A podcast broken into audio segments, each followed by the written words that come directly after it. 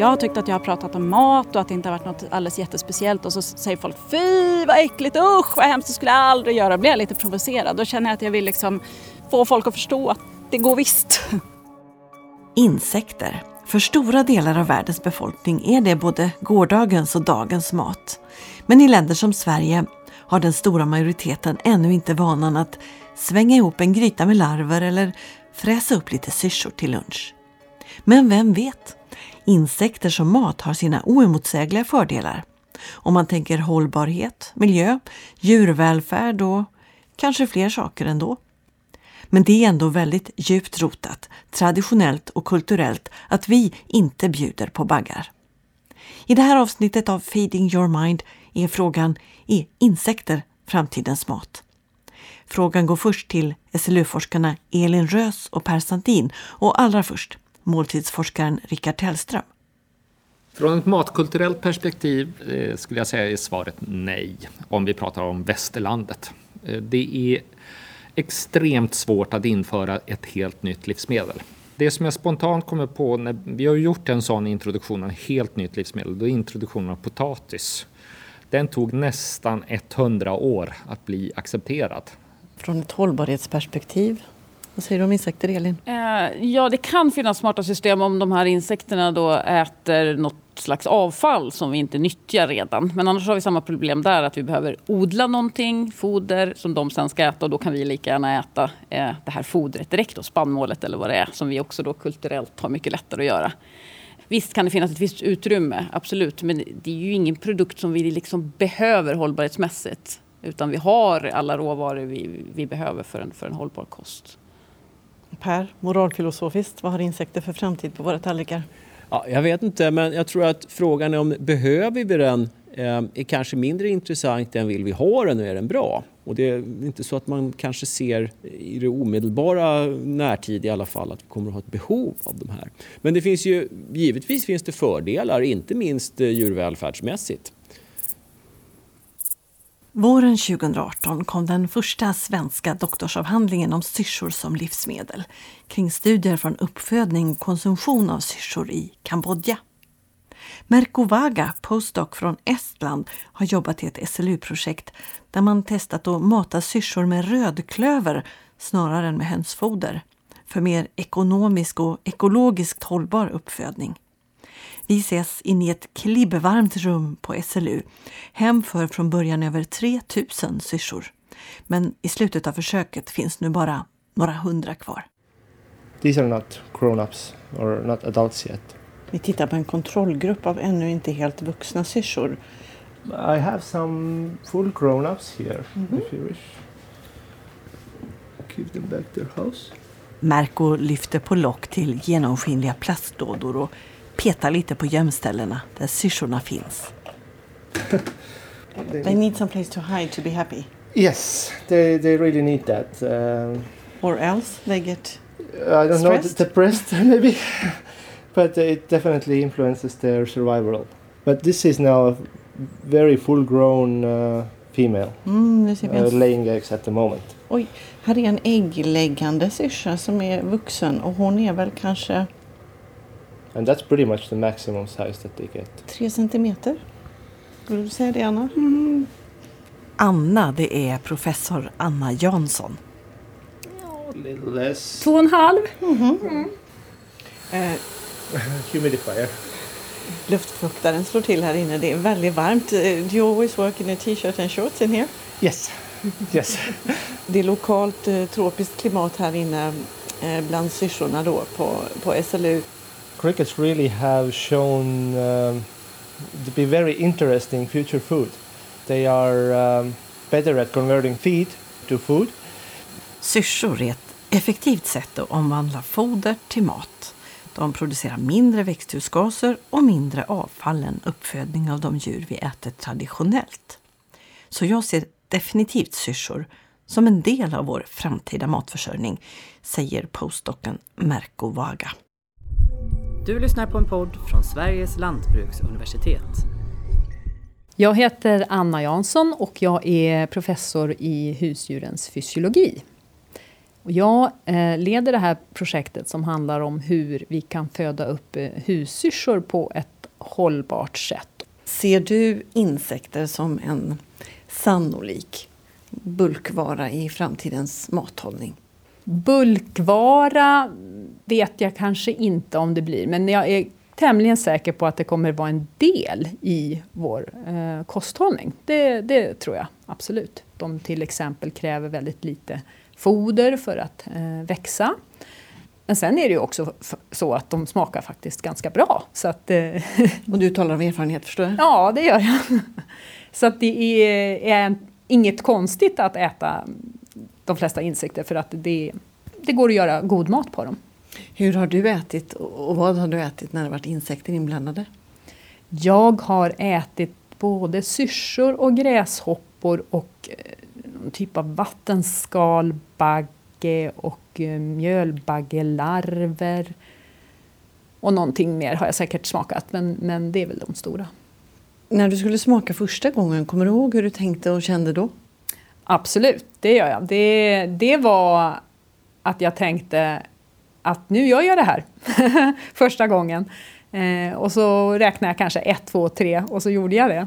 N när man pratar om det här, det är ju egentligen vad vi hade för inställning till sushi här i Sverige när det kom. Då var det väldigt många som tyckte att det, det var inte ätbart. Men det, det, det har ju, kan man säga, försvunnit. Men eh, det pågår också forskning kring just detta, psykologiforskning? Det gör det. Jag, vet inte, jag tror inte att det gör det kanske i Sverige, men jag vet att det gör det utomlands och i USA så pågår det forskning kring vad är det som påverkar den här äckelkänslan då som, som kan uppstå inför vissa eh, livsmedel. Och hur går det att påverka den? Och det finns då studier som visar att beroende på hur man presenterar eh, insekterna på tallriken så är folk mer eller mindre eh, beredda att, att smaka av det. De produkter som säljer bäst i Sverige och Europa det kommer vara produkter som på något vis påminner om produkter som vi känner till sedan förr. Du menar nermalda insekter som någon variant av hamburgare eller så? Ja, det skulle man kunna tänka sig. Eller syrspinnar istället för fiskpinnar eller ja, sådana typer av produkter. Men här i Sverige, vill vi och behöver vi äta insekter? Så som vi äter idag, det kommer inte fungera om alla på hela jordklotet skulle börja äta precis samma meny som vi har. Så att vi behöver föregå med gott exempel och visa att det här är ett eh, effektivt och gott livsmedel.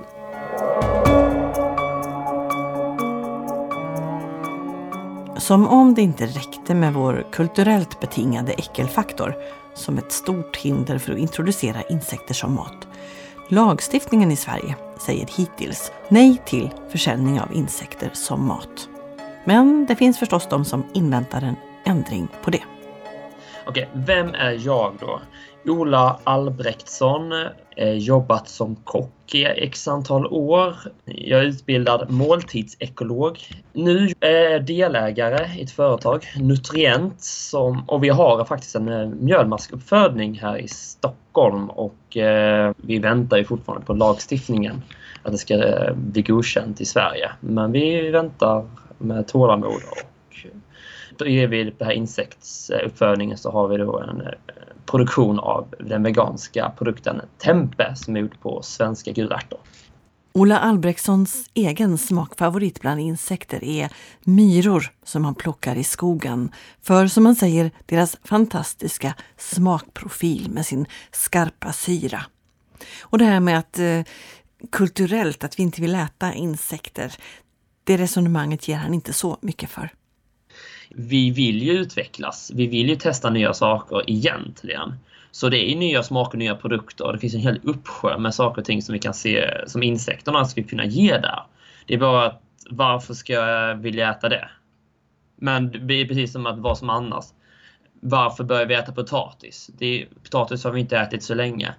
Tidigare så var det ju svält i Sverige och allting men ingen var ute i skogen och plockade svamp fast det är ju helt ätbart för de trodde ju att det var gift. Så varför? Ja, det är ju för vi vill ju konstant utvecklas och testa nya grejer egentligen.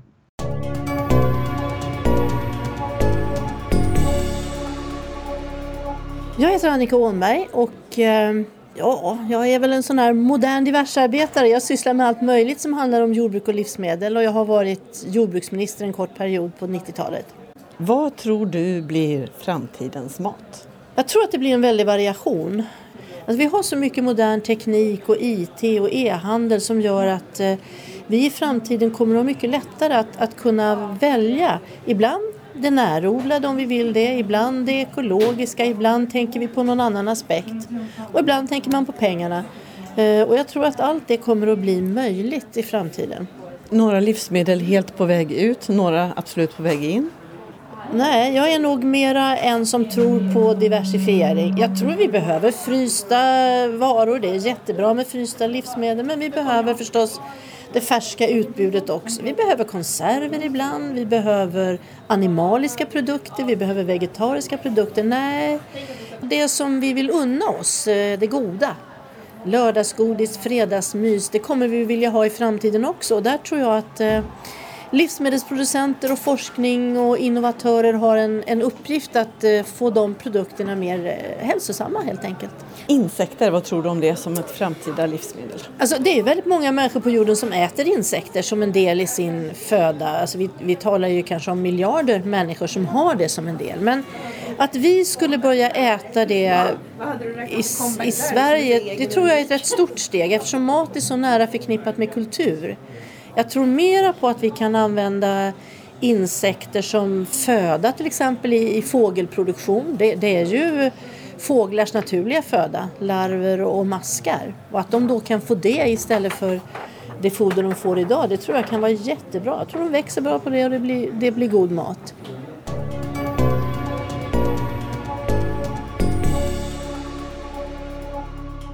Ja, det är väldigt olika det där vilka odds vi ger insekter som en del av vår framtida mat.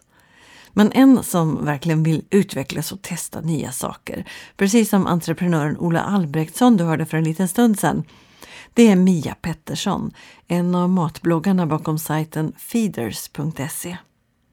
Hon minns inget speciellt första tillfälle när hon tog ett djupt andetag och övervann rädslan och åt sin första insekt när jag lagar mat och även när jag skriver på bloggen så är det en poäng för mig att inte, att inte göra insekter till någonting konstigare än vad det är. Jag ser det som mat, precis som att man kan äta en morot eller en bit kött eller ett ägg eller någonting. Så insekter är också mat. Så jag har liksom inget behov av att särbehandla det som någonting eh, helt väsensskilt ifrån annan mat. Utan det är liksom en delmängd av mat helt enkelt vanligaste reaktionen och frågan du får när du berättar det eller det framgår att du äter syrsor och larver och så? Mm, varför då? Vilket jag brukar vända på och säga varför inte. Det kan nog vara så att vi har skäl att fundera över hur vi äter och då är det ju bra att ha någon sorts öppenhet som hänger med i det där funderandet så att det faktiskt går att omsätta i någon sorts handling också. Ola Albrektsson eh, säger ju så här att han, eh, han går ut i skogen och lägger händerna på myrstacken, skakar av myrorna, går hem och fryser dem och sen kan han strö dem på glass som lite syrligt strössel. Mm. Låter det bra? Ja, det låter väl alldeles utmärkt. Jag har själv planer att i helgen gå ut och kolla efter myror för att göra en gin och tonic med myror i.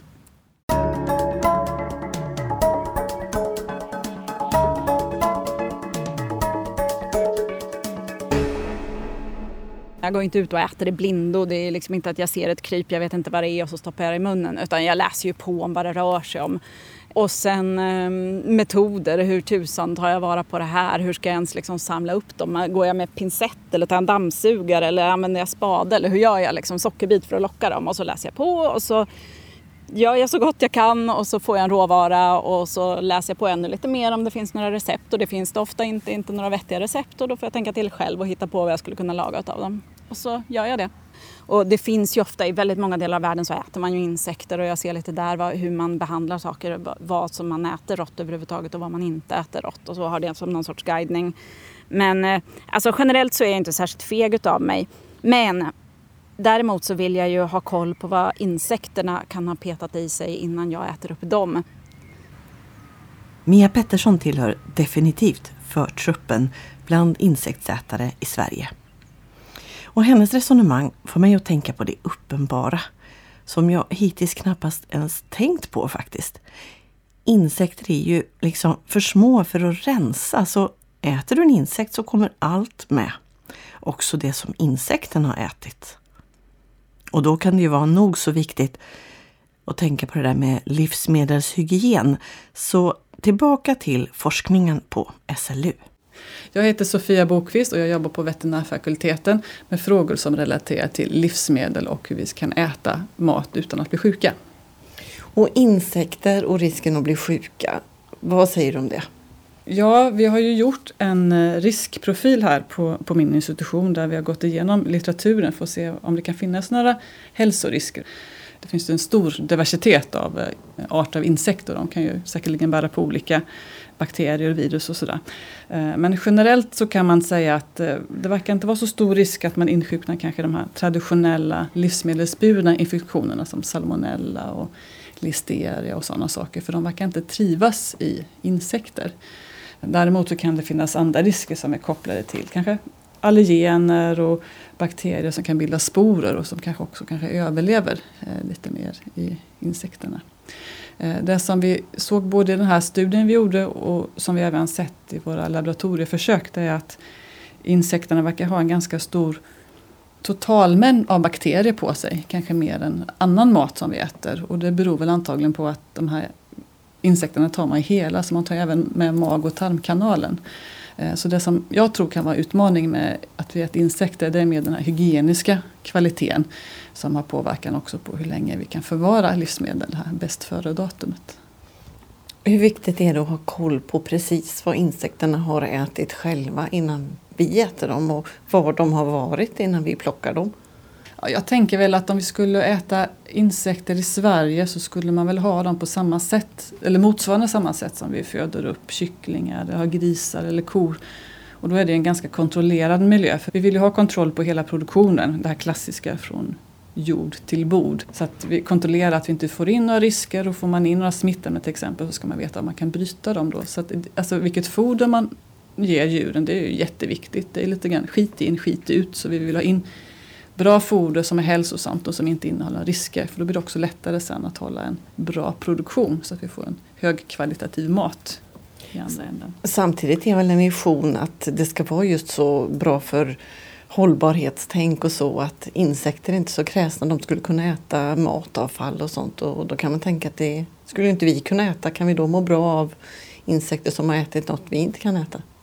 Ja, jag är inte någon jätteexpert på, på vilken mat de ska äta men jag, jag tänker liksom generellt om man utgår från ett livsmedelssäkerhetsperspektiv så är det jätteviktigt att man ska ge dem matavfall, vilken typ av matavfall det är så att det är någonting som inte ger någon ökad risk att vi får in bakterier. Eh, eller om man ger dem ett vanligt foder som, som, som är bra. Det har ju varit i diskussion om man skulle kunna använda liksom annat mer riskavfall som insekter ska kunna bryta ner, man ska kunna äta. Men man får ju akta sig så man inte ger sig in i ett mer cirkulärt system där smittorna går runt, runt. För då, då, då har vi en, en risk som jag tror inte är bra. Utan eh, man kan kanske använda kompostavfall men då ska det vara mm, väl dokumenterat vad det innehåller och att det inte är några risker. Ja, vad ska insekterna äta innan vi äter dem? Och är det vi som ska äta dem? Eller ska vi ge larver och insekter som djurfoder? Anders Kissling, professor i akvakultur vid SLU, han menar att insekter och larver från till exempel svart soldatfluga definitivt har stor potential och en given plats i ett smart livsmedelskretslopp. Därför att de är jätteduktiga på att göra bra protein av dåligt protein. Och eh, vissa insekter som svart soldatfluga, den kan då äta saker som vi kanske inte är så intresserade av att äta. Samtidigt som larven som sådan kanske inte är så aptitlig. Medan för våra husdjur är den jätteaptitlig. Det är en typ av äh, eh, insekt som, jag skulle, som vi fokuserar mycket på just för djurfoder. Medan jag vet att andra fokuserar mycket på syrsor för människan för den är kanske mer aptitlig för oss. Mjölmasken är det många som fokuserar på för att göra produkter, mjölprodukter och sånt. Men återigen, problemet med mjölmasken är att den behöver då ofta mat som egentligen skulle kunna ätas direkt av oss. Så att vi fokuserar på sådana insekter som kan äta sånt som vi inte kan äta eller inte vill äta.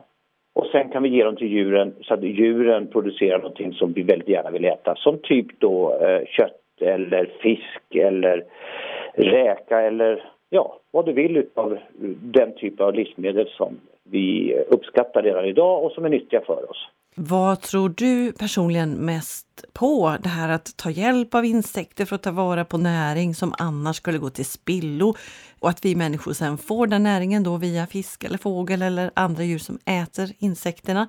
Eller att vi själva äter insekter? Um, jag tycker personligen att, eh, återigen, det, vi, jag ser att vi får väldigt svårt att uppfylla hela vårt proteinbehov av att bara äta insekter. Därför behöver vi ha en varierad kost. Och en varierad kost innebär att vi även äter animalieprodukter, allt från mjölk, smör till kött till fisk. Och då måste de ha mat. Därför idag går 60% av världens matproduktion rakt ner i djurmagar. Vi måste ge djuren någonting annat om vi vill behålla en varierad kost. Och insekter som har ätit restprodukter från oss är väl ett utmärkt alternativ. För att då får vi ett kretslopp. Vi bildar ett kretslopp både direkt till oss själva men där det passar bättre via djuren. Ja, insekter som vardagsmat på svenska tallrikar. Eller som något extra festligt och speciellt. Eller snarare som foder till de djur vi redan äter. Vi får se hur det blir. Du har lyssnat på podden Feeding Your Mind från SLU Future Food som du också kan följa via nyhetsbrevet, Youtube och Twitter. Ylva Karlqvist Warnborg heter jag som gör Feeding Your Mind och nästa avsnitt handlar om vikten av smaker i framtidens mat. Hej då!